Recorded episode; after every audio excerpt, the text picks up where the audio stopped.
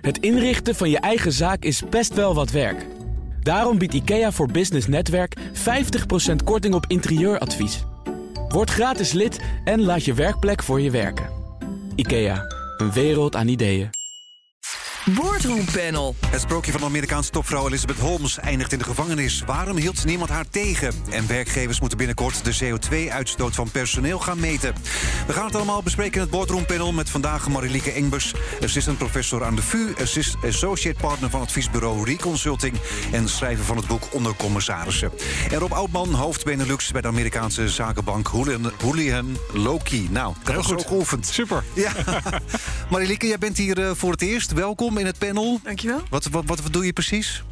Oh, ik doe van alles, maar ik ben ook docent bij de VU. Eh, ik geef eh, onder andere strategierealisatie en eh, governance en ethics, business ethics. En ik help boardrooms tegenwoordig met zelfevaluaties en conflicten. En daarnaast probeer ik zoveel mogelijk te schrijven, omdat ik daar ontzettend van houd. Nou, dan ben je helemaal goed eh, op je plek hier in het eh, boardroom eh, panel. We beginnen direct met Elizabeth Holmes. De succesvolste vrouwelijke zelfmade miljardair is schuldig bevonden aan fraude. En moet ook vrezen voor een lange gevangenisstraf. Ze was de oprichter van Theranos. Dat bedrijf dat claimde een machine te hebben ontwikkeld... om een bloeddruppeltje binnen een paar minuten te controleren op honderden ziektes. Ron, ik denk dat we het verhaal nog even moeten uitleggen. Wat, wat, wat ging er mis bij haar? Nou ja, kijk, uiteindelijk heeft ze een, een, een droom verkocht eh, waar heel weinig eh, wetenschappelijke basis voor bleek te zijn. En, eh, en ze heeft heel veel mensen heel lang voor de gek gehouden. eh, met, eh, met gebruik van logo's, met be- zogenaamde bewijzen. Ehm, dus Ja, want, want ze gebruikte logo's van uh, Zuid. Zo van, ik ben, allerlei ik- andere partijen. ik ben En, betrouwbaar. om, om betrouwbaarheid. En, ehm, en ze is on, onge- ongelooflijk ver gekomen eigenlijk. Met, en, en, en je ziet ook weer parallellen. Dat valt mij altijd weer op met Madoff bijvoorbeeld. en, en, en dat soort mensen die heel lang heel veel mensen voor de gek weten te houden. En dat begint vaak ehm, met een paar grote namen aan je weten te binden. En, en dat krijgt dan een soort aura van nou als die meedoen dan zal het wel goed zijn. Ja. En, en vervolgens eh, blijven heel veel mensen daar dan intuinen. En Maar ze had ook 950 miljoen eh, dollar opgehaald. Ja. En bijna een miljard. Bijna een miljard. Hè? Dus eh, dat zegt ook wel hoeveel geld er los zit als je de juiste mensen weet te vinden. Ja, eigenlijk, eigenlijk wel eng hè, dat het kan Eigenlijk angstaanjagend. Maar ook angstaanjagend dat al die mensen eh, niet hebben gevraagd van... joh, laat, dat machine, laat die machine eens even zien. En wat is de wetenschappelijke basis dan geweest? Ja. En, ehm, en, en die zijn eigenlijk allemaal als schapen eh, erachteraan gelopen... met vrij weinig eh, due diligence, eh, zoals dat heet. Maar hoe kan zoiets, Marilieke? Ik bedoel, dat dat zo lang onder de radar heeft kunnen blijven. Ja, daarmee raak je denk ik toch wel aan hetgene wat mij het meest fascineert. Denk ik dat we vaak denken in de boardroom dat veel dingen rationeel op, op basis van feiten gebeurt, maar dat het veel irrationeler gebeurt en op, eh, op basis van emoties, eh, aantrekkingskracht, eh, geloofwaardigheid, beeldvorming, al dat soort zaken. En als je eenmaal je geld erin hebt gestopt, dan krijg je natuurlijk ook nog zoiets van wanneer haal je het eruit. Hè? Dus, eh, Want dan weet je misschien wel dat er iets mis is. maar dan voor ja. gezichtsverlies denk je van... nou, laten we maar net doen alsof we niks weten. ja, Ja. Ja, dus het is ingewikkeld om eruit te stappen. Het is ook relationeel. Hè? Dus kijk ik ook heel erg naar wie zijn de relaties rondom zo'n persoon. Want je kunt natuurlijk haar ontzettend nu schuldig verklaren. Maar het is natuurlijk een eh, groepsproces. Dus ik ben heel erg geïnteresseerd in alles wat om zo'n persoon heen gebeurt. Want je hebt natuurlijk allerlei checks en balances. En hoe heeft dat gekund? Dat het, hoe heeft het zover kunnen komen hè? met Ja. al die checks en balances? Ja, wa- wa- want Rob, je, je zei het al, ze hadden een goed eh, team van bekende commissarissen om zich heen. Allemaal bekende mensen inderdaad. Ja. Maar die stappen daar toch in eerste instantie in. Ik bedoel, als, als iemand mij zou vragen of ik commissaris zou willen worden... dan zou ik eerst zeggen van, laat me dat apparaat eerst maar zien. Bijvoorbeeld. En, en Of is dat daar een hele domme vraag? Nee, nee, ik denk dat het een hele terechte vraag is. En ik denk dat het gewoon uiteindelijk mensen daar net wat te makkelijk in zijn geweest. En, na, en, en naarmate iets een hype wordt, eh, zie je dat mensen blijkbaar steeds minder goed nadenken. En, en een- kijk, een van die checks die ze bij Madoff, als iemand bij Madoff had gevraagd: Goh, wie is jullie accountant en mag ik daar eens mee praten? Dan hadden ze het eh, te horen gekregen dat is een eh, totaal onbekende accountant die toevallig mijn buurman is. Dan waren natuurlijk alle red flags afgegaan. Dan was nooit iemand in Madoff gegaan. Nee. Heeft nooit iemand gevraagd. Nee. En, met, en, en hier zie je min of meer vergelijkbare patronen. Met een paar simpele checks. Of bijvoorbeeld welke. eh dit is een hele groot bedrijf, een enorme waardering. Welke reputabele Silicon Valley firm zit hierin? Waarschijnlijk geen één. Hoe kan dat dan? Weet je? Waarom is het niet gevet door wie dan ook? Nee, nee maar, ik- namen. Ik, ik begrijp ook dat heel veel, heel veel mensen dat apparaat niet eens hebben gezien. En als ze dan bloedonderzoek deed, dan gebruikten ze gewoon een apparaat van Siemens, geloof ik. Ja, klopt. Ja, dat heb ik ook ja. die, die al bestond. Maar, maar inderdaad, maar dan kom je hierachter. Hè? Ik bedoel dat het eigenlijk allemaal gebaseerd is op niks. En dan? Hoe ga je daar dan mee om? Je bedoelt nu? Ja. Nee, ja, Oh, je nee, bent commissaris bij het bedrijf. ja, Wat doe je dan? Ja, wat doe je dan? Oh ja, ja, nee, dat is natuurlijk dat is dat wat hetgeen mij zo fascineert. Maar dan moet je dus denk ik eh, beseffen dat je in een groepsproces zit waar op het moment dat jij kritische vragen gaat stellen, word jij een beetje de vervelende persoon. Yep. En je wil ook graag cohesie behouden. Ja, want weet je wat ook zo belangrijk is? Als jij vervelend wordt gevonden, dan gaan mensen ook inhoudelijk niet meer naar je luisteren. Dus je moet ook op een of andere manier zorgen dat mensen naar je blijven, hè, willen blijven luisteren. En hoe doe je dat? En als mensen zeggen van ja, maar jij snapt het niet, want jij stelt nu kritische vragen en je kunt haar echt wel vertrouwen, dan gebeurt er iets relationeels waardoor je toch wel geneigd bent om je mond te houden. Je Maar het gaat hoort toch zo in een boardroom dat er kritische vragen worden gesteld? ja, dat, dat is wat ik bedoel met eh, we gaan ervan uit dat het allemaal zo rationeel is, maar dat is helemaal niet zo. Je hebt eigenlijk maar één machtswapen en dat is aftreden. En, en dat is een enorm machtswapen, althans, maar ook een enorme bedreiging, ook voor een bedrijf. Eh, dat heeft heel verdergaande consequenties. Dus dat doe je ook niet zomaar. En, en er is zoiets als de vals. eh, ja, ik ga maar geen theorieën. Maar op het moment dat je als enige anders denkt dan de rest, ga je ook werkelijk denken dat je het niet goed ziet. Dus En dan ga je wel mee met de rest en denk je van ik hou mijn mond wel. Nou, zij zullen wel je gaat gelijk echt hebben. en, zie, zie je het inderdaad wel correct? En dan, dan eh, ga je ook misschien wel jezelf eh, voor de gek houden. Want je wil ook eigenlijk die confrontatie niet aangaan. Ja. Maar critici zeggen ook inderdaad dat Holmes met haar fake it till you make it mentaliteit Ja. ook geen uitzondering is hè, in Silicon Nee, Valley. dat, dat, dat, dat, en eigenlijk, nogmaals, als jij een jong startende bedrijf bent, dan heb je dat ook nodig. En eigenlijk zie ik het liefst, en ik ben zelf ook investeren in verschillende bedrijven, dat je iemand hebt die qua ondernemerschap, qua commercie, qua marketing heel erg agressief is, maar aan de achterkant extreem conservatief als het gaat om boekhouden, cijfers enzovoort. En op het moment dat ik het gevoel heb dat het andersom is, dan Mhm. wil ik zo snel mogelijk wegwezen. Maar ja, in Silicon Valley gaat het natuurlijk ook misschien wel om het verkopen van een droom.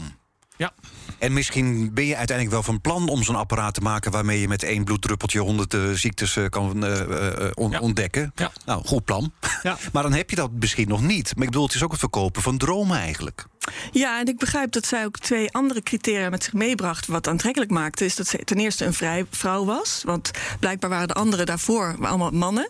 Dus dat was natuurlijk al een droom: van we kunnen nu in een vrouw investeren. Ze had de kunnen- universiteit niet afgemaakt. Dat schijnt ook een voordeel te zijn, geloof ik. Blijkbaar, ja. Als, als maar Stanford is, dat wel. Ja, ja. En het andere was natuurlijk de context van je wil niet. eh, het was ook nog een, een, eh, ehm, een product wat heel erg eh, bij de. hoe heet het nou? Dat je. Je doet goed. Hè? Je bent niet alleen maar met, met eh, eh, apps bezig. Nee, oké. Dus Ja. eindelijk een keer iets waar de wereld iets aan heeft. Precies. Ja. Ja, en, Daar wil je natuurlijk ook graag in investeren als aandeelhouder. hè? Dus Ja. daarmee kan je jezelf ook je eigen ego opboetsen. maar goed, dit soort grootspraak, zie je dat ook wel eens bij Nederlandse eh, ondernemers? Eh, Ja, tuurlijk. tuurlijk uiteindelijk, eh, en, en ook hier gaat het natuurlijk eh, regelmatig mis met dat mensen iets verkopen wat totaal niet kan of totaal niet werkt. Dus, je- dus als investeerder moet je natuurlijk super kritisch zijn. En, en, en dat zijn natuurlijk ervaren, gerenommeerde partijen. Die, die zijn ook heel kritisch om, om de juiste vraag te stellen van wat is wetenschappelijk bewijs. Elon Musk heeft ook allerlei mensen die bij hem kwamen pitchen om, om in elektrische vehicles te, te investeren. Heeft hij ook gevraagd, nou, hoe zien, laat maar eens die berekeningen zien dat uiteindelijk elektrisch gaat winnen van brandstof. Ja. En, en, uiteindelijk pas toen hij daarvan overtuigd was, ja. eh, is er heel veel geld in gegaan. Dus uiteindelijk moet je natuurlijk wel ontzettend kritisch zijn van ja, weet je, gaat dit ook echt werken? En waar is dan het wetenschappelijk proof? Of als jij een uniek product hebt, wat is dan je mode, zoals dat heet? Dus wat, maakt het zo uniek dat niemand anders er zomaar even aan kan komen?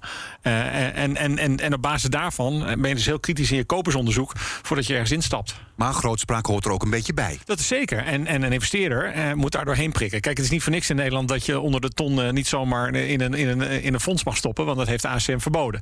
Dus je moet, eh, want ze gaan ervan uit dat als jij een ton kan investeren, dat je zelfstandig goedkopersonderzoek kan doen. Ja. Dat is niet voor niks. Maar goed, zij dreigt nu voor heel lang eh, de gevangenis eh, in te gaan. Maar er was een raad van commissarissen, er waren investeerders. Ik bedoel, is alleen zij nu schuldig? Dat is een goede vraag. Hè? Dat is iets wat je denk ik echt moet uitzoeken. Eh, ik heb wel begrepen dat ze echt ook wel mensen voor de gek heeft gehouden. Als dat, hè, dus niet voor niks schuldig bevonden. Wat ik wel interessant vond in. in eh, wat, waar ze wel niet schuldig voor is bevonden, is blijkbaar dat ze wel goed de aandeelhouders heeft geïnformeerd.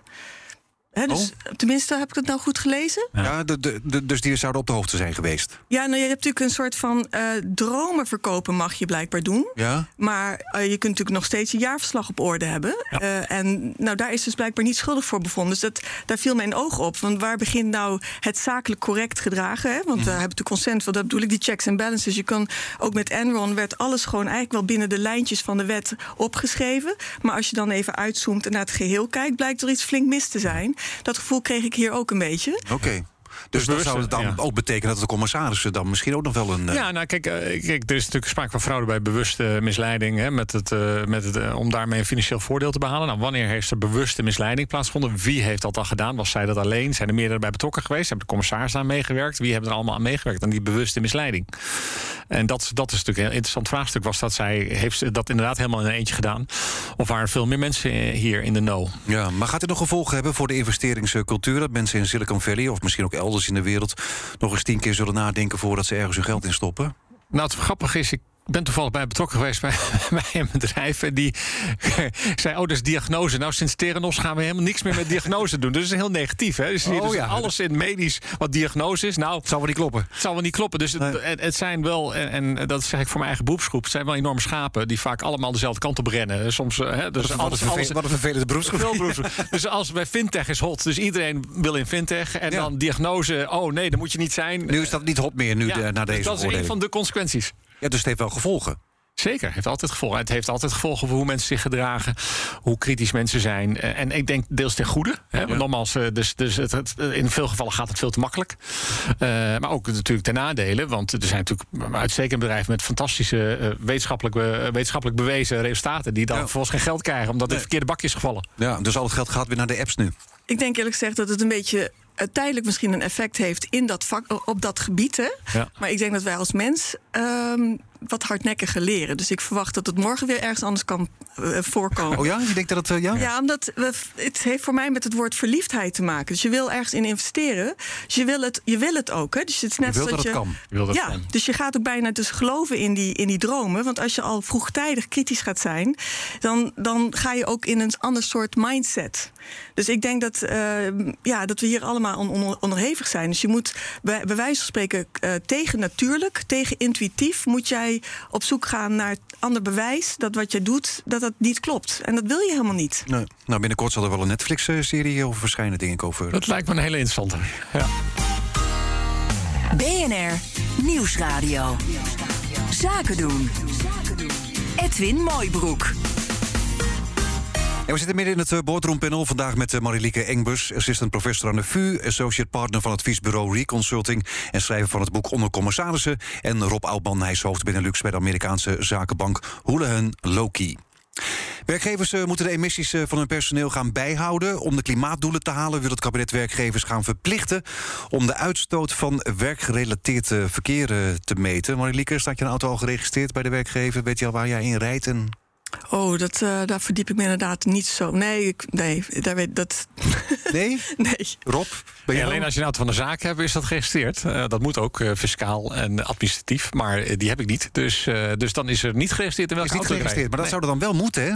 Nou ja, dat is dan. Ik, dat is de vraag, hoe wordt de uitvoering uiteindelijk? Hè? Want Ja. ik denk, kijk, eh, ik denk dat, je, dat we met z'n met z'n allen iets aan CO2 moeten doen. En vooral bedrijven, dat voelen dat meer dan ook. eh, meer dan ooit, ook vanwege hun ESG-doelstellingen. Ze willen wat aan milieu en eh, doen. Dus, dus dat voor heel veel bedrijven is dat absoluut een thema. En ook wij hebben binnen Hula en Loki onze CO2-footprint berekeningen. Die maken we al en die worden al gemonitord. En daar, willen we ook, hè, daar- zijn we ook actief mee bezig om het zelf te meten. hè. Dat Ja. doen we als bedrijf uit onszelf. Maar, maar ook al van de, van, de, van de werknemers, hoe ze naar eh, hun werk komen en dat soort dingen. Zit dat Nee, ook dat zit, er, dat zit er dan nog niet in. Dat- dat zit er dan nog niet ook in. moeten, hè? Dat zou dan ook moeten. Ja. En, en dan is de vraag, eh, en dat is dan uiteindelijk de vraag... Kijk, dus dat er iets moet gebeuren, dat snap ik, begrijp ik. En dat zie je ook, dat heel veel mensen ook dat, dat snappen. Alleen, hoe ga, je dat hoe, ga je de, hoe ga je het uitvoeren? En bijna altijd gaat het daar dan vaak mis. Omdat er eh, wellicht door allerlei compromissen... daar een administratief gedrocht uitkomt die eh, niemand meer te doen is. Kijk, op het moment dat je zegt van... Is, je moet toch je kilometers declareren. Is dat een benzineauto geweest of een elektrische auto of een dieselauto... Ja. dan is het vrij makkelijk eh, te doen. Hè, want dat is in de administratie zo toe te voegen. Maar op het moment dat je moet gaan per type auto... moet gaan bijhouden welke uitstoot en welke variant... dat wordt natuurlijk een gedrocht. Ja, maar, maar qua zakenreizen, zeg maar, als je gaat vliegen, dat wordt allemaal berekend bij jullie allemaal. Zeker. Ja. Dus, dus dit zou maar eigenlijk nog een kleine uitbreiding zijn. Dit is, is een, wij zijn al mee bezig. Ik denk dat het wel dan nog serieuzer wordt genomen. Laten we. Dit is vooral wat wij zelf op eigen initiatief doen om er wat aan te doen. En dat gaat om de verwarming. Dat gaat om al, alle aspecten van onze, van onze, van onze bedrijfsvoering. Ehm, en, eh, en ik denk ook, eh, en, en vliegen zal, eh, ja, dat ga je dan. wij, moeten ook zakelijk regelmatig vliegen. Dat ga je dan zeker ook, ook meenemen. En, en hopelijk wordt het dan ook, en door corona is dat overigens al enorm gebeurd, steeds meer een Zoom Zoom en Teams meetings in plaats van uh, fysiek. het is een stuk saaier, wel heel productief, maar dit, dat, dat gaat nog alleen nog maar verder. Ja. Zie jij deze maatregel zitten? Ik uh, kijk er, ik, inhoudelijk weet ik nog niet zo goed. Ik kijk er veel meer uit vanuit mijn docentschap strategierealisatie. En dan zie ik eigenlijk een aantal andere dingen. We hebben in feite met elkaar akkoord dat we een klimaatakkoord hebben getekend. Hè, of we, dit is daar een voortvloeisel van. Uh, wat ik mis is, je hebt in feite een politieke discussie. En een, je zou idealiter ook nog een strategische discussie hebben en een tactische discussie. Die drie onderscheiden. Mm -hmm. En wat je ook heel veel in bedrijven ziet, en vind ik nu ook landelijk op dit gebied, is dat we dus in feite een politieke discussie hebben gehad. We zijn nu eindelijk eens dat we iets moeten doen aan het klimaat. Ja. Maar we schieten nu naar een tactische discussie. Zo mm -hmm. zie ik het een beetje. Hoe we het gaan dit, doen? Nou, het gaat dan meteen naar één element. En dit ene element pakken we er nu even uit. Mhm. Mm -hmm. Dan vraag je mij om een mening. Maar dan moet ik een tactische mening hebben. Hè? Terwijl ik eigenlijk veel meer zoek naar een, een plan. Een holistisch plan. En ik denk dat heel veel uh, werkgevers... Je hebt mensen die het al zelf doen. Hè? Dus ik vraag me af waarom de politiek niet vraagt aan de werkgevers... van waarom, wat maar, houdt jullie tegen om uh, net zero te worden. Dus dan krijg je een heel ander, krijg je een veel strategischere discussie. In, in, in, plaats van te gaan registreren wat de uitstoot is van je, van je ja. werknemers. En misschien is dat een heel goed idee, maar ja. ik mis een, een, veel groter thema van hoe kunnen we hoe samenwerken, overheid en werkgevers en ook In plaats van zo op het, de, de detail gaan ja. zitten. En ik snap het vanuit de ambtenaren vaak wel, want die willen natuurlijk meteen uh, iets pakken wat ze kunnen meten. Maar uh, ja, ik denk dat, dat het veel belangrijker is dat je met elkaar in gesprek gaat daarover. Dus eigenlijk schiet deze maatregel toch een beetje het beoogde doel voorbij? Voor mij wel. Ja, nou kijk, ik, dan heb ik alweer een meeding over deze maatregel. Terwijl ik veel meer vanuit een holistische ja, plan wil kijken. Je wilt er van bovenaf naar kijken. Voordat je daar begint. Ja. ja. Want ja. er zijn zoveel andere thema's. En ik denk dat heel veel werkgevers... aan de ene kant zegt de overheid... we willen de regeldruk verminderen. Aan de andere kant gaan we dit dan weer bedenken. En, en hoe, weet, hoe, hoe weet je of dit de werkgevers gaat helpen... om eigenlijk de klimaatdoelstellingen te, te realiseren? Misschien help je ze wel op een andere manier veel, veel sneller. Nou ja, de bedoeling is uiteindelijk om in 2026 met een soort van norm te komen. Hè? Ik bedoel, hoeveel een uh, werknemer mag uitstoten eigenlijk om op zijn ja, werk te komen. Ja, dat is natuurlijk en, en, ingewikkeld. Hè? En want, zaken uh, mag reizen. Ja, want uh, uiteindelijk inderdaad, de ene beroepsgroep is, is de andere niet. Nee, dus, zou het dan dus, ook zijn zo van, nou, je zit al aan je tax, dus ja, we gaan thuis werken. Terwijl aan de andere kant, zakelijk maakt het perfect zin. En, en, en, en ene jaar hoef ik bijna niet te reizen, want er is geen enkele zakelijke reden waarom. Een ander jaar reis ik heel veel. Ehm, dus dus hoe, ga je, hoe ga je dan normen bepalen? Lijkt me heel ingewikkeld. Maar is dat dan een typische overheid dat ze echt normen willen bepalen in plaats van dat ze naar het grotere geheel kijken? Uh, die indruk heb ik wel. Dus ik, ik ben ook vaak wel met, uh, ministerie, of met een uh, autoriteit in, aan de slag. En je ziet dus toch wel dat er vaak gegrepen wordt naar, naar instrumenten die je kunt meten. Terwijl de complexiteit van de werkelijkheid. Dus de organisaties zijn ook heel verschillend. Dus hoe werkt zo'n uh, beleid uit op de praktijk, daar moet je denk ik eerder heel goed naar kijken. Dus dat kun je ook uh, in feite operationaliseren noemen. Ga eerst eventjes in een pilot toetsen. Wat gaat dit beleid doen? Voordat je het helemaal uitrolt over die hele uh, gemeenschap. Ja. Oké. Nou, de valreep van vorig jaar was er nog sprake van opschudding op de beurs... rondom de Rotterdamse Luxaflex-producent Hunter Douglas. Het bedrijf verkocht een controlerend belang aan de investeringsmaatschappij 3G Capital. En dat deden de eigenaren voor 175 euro per aandeel. En dat is bijna 100 euro per aandeel meer dan een half jaar eerder... Dat ze, die ze zelf betaalden om aandeelhouders uit te kopen. Zo vertel ik het goed, hè Rob? Ja, en uh, heel, heel, heel interessant en heel boeiend eigenlijk wat hier gebeurd is. Ja. Uh, zeker, want je moet natuurlijk niet vergeten dat er een groot aandeelhouder is. Een familie die al heel lang het bedrijf controleert. De familie Zonneberg. De familie Zonneberg. En de familie Zonneberg heeft dus eigenlijk al heel lang controle. En, en ziet het ook binnen middels hun bedrijf. En ze zijn weliswaar beursgenoteerd. Maar ja, zij bepalen wat er gebeurt en niemand anders. Hè? Dus dat is uit die, met die context moet je dit ook, uh, ook beschouwen. En dat is natuurlijk heel interessant dat ze het een en een half jaar geleden zeggen... ja, maar wij wij vinden het heel fair. En ook de commissarissen hebben daar aan meegewerkt. Heel fair om dit voor, de, wat zal het zijn, 80 of zo uiteindelijk is verhoogd naar nou ja, 85, de, ja, ze wilden het eerst van de beurs halen. Hè? En ja. toen hadden ze inderdaad eerst 64 euro per aandeel 64, geboden. En, ja, toen uh, kwam wat protest. Nou, toen ja. werd het 82. Een klein beetje erbij. Ja, een klein beetje erbij. En dachten ze, nou, dan hebben we iedereen wel overtuigd. Dat bleek dus niet zo te zijn. Maar heel veel, waarschijnlijk voelden een aantal grote aandeelhouders die erin zaten. Die roken toch wel dat er, uh, op het moment dat een groot aandeelhouder die wil uitkopen, dan moet je toch altijd al een beetje. Sommigen hebben het wel gedaan voor die twee. Sommigen hebben het hebben aangemeld. Hè? Dus, dus uiteindelijk is het uiteindelijk niet gebeurd. Maar ze hebben zich wel aangemeld. Want ze dachten, nou prima. En sommigen doen het ook automatisch. Maar dat is meer een technisch verhaal. Want zodra dit soort biedingen komen... dan zijn ze vaak ook verplicht om het aan te bieden. Maar goed, dat, is een, dat is, zo werken sommige pensioenfondsen. Um, dus, um, en nu hebben ze dus weer verkocht voor 175 En nu is het inderdaad die, die, die, nou heeft die groot aandeelhouder blijkbaar verkocht. Een goede deal. Uh, ik, nou ja, kijk, op het moment dat jij je strategie hebt van, nou ja, deze meneer heeft, is groot aandeelhouder. En op het moment dat hij het verkoopt, dan heeft hij wel het onderste uit de kant gehaald. En dan lift ik mee. Dat is een, denk ik een goede strategie dan wellicht. Maar goed. maar, op het moment dat hij groot aandeelhouder is en jou wil uitkopen, dan mm, ik zou me dat ook nog een beetje goed kijken. Ja, Marilieke, hoe heb jij hiernaar geluisterd? Ja, ik kijk heel erg vanuit een cultuur. Hè. Dus ik, uh, mijn promotieonderzoek ging over het ongezegde. En dan meet je, daar meet je in feite mee een cultuur. En uh, dus ja, ik denk dat je als aandeelhouder moet je kiezen waarin je investeert. Ga je voor de korte termijn? Denk je, zit, je alleen maar op het rendement te focussen? Of zoek je iets lange termijns? En, vertrouw je de cultuur van deze organisatie? En als je dan leest, en dat is achteraf, hè, dus ik weet niet in hoeverre dan de aandeelhouders dit wisten. Maar als de aandeelhoudersvergaderingen in, in Curaçao plaatsvinden. met het doel om in feite de dialoog uit de weg te gaan. Ja, dan zouden bij mij alle haren overeind. Ja, wat, wat, wat, ze zijn dan officieel gevestigd in Willemstad, inderdaad, op Curaçao. En dan uh, eens in het jaar is een aandeelhoudersvergadering. En die is dan inderdaad op Curaçao. Dus geen aandeelhouder die komt.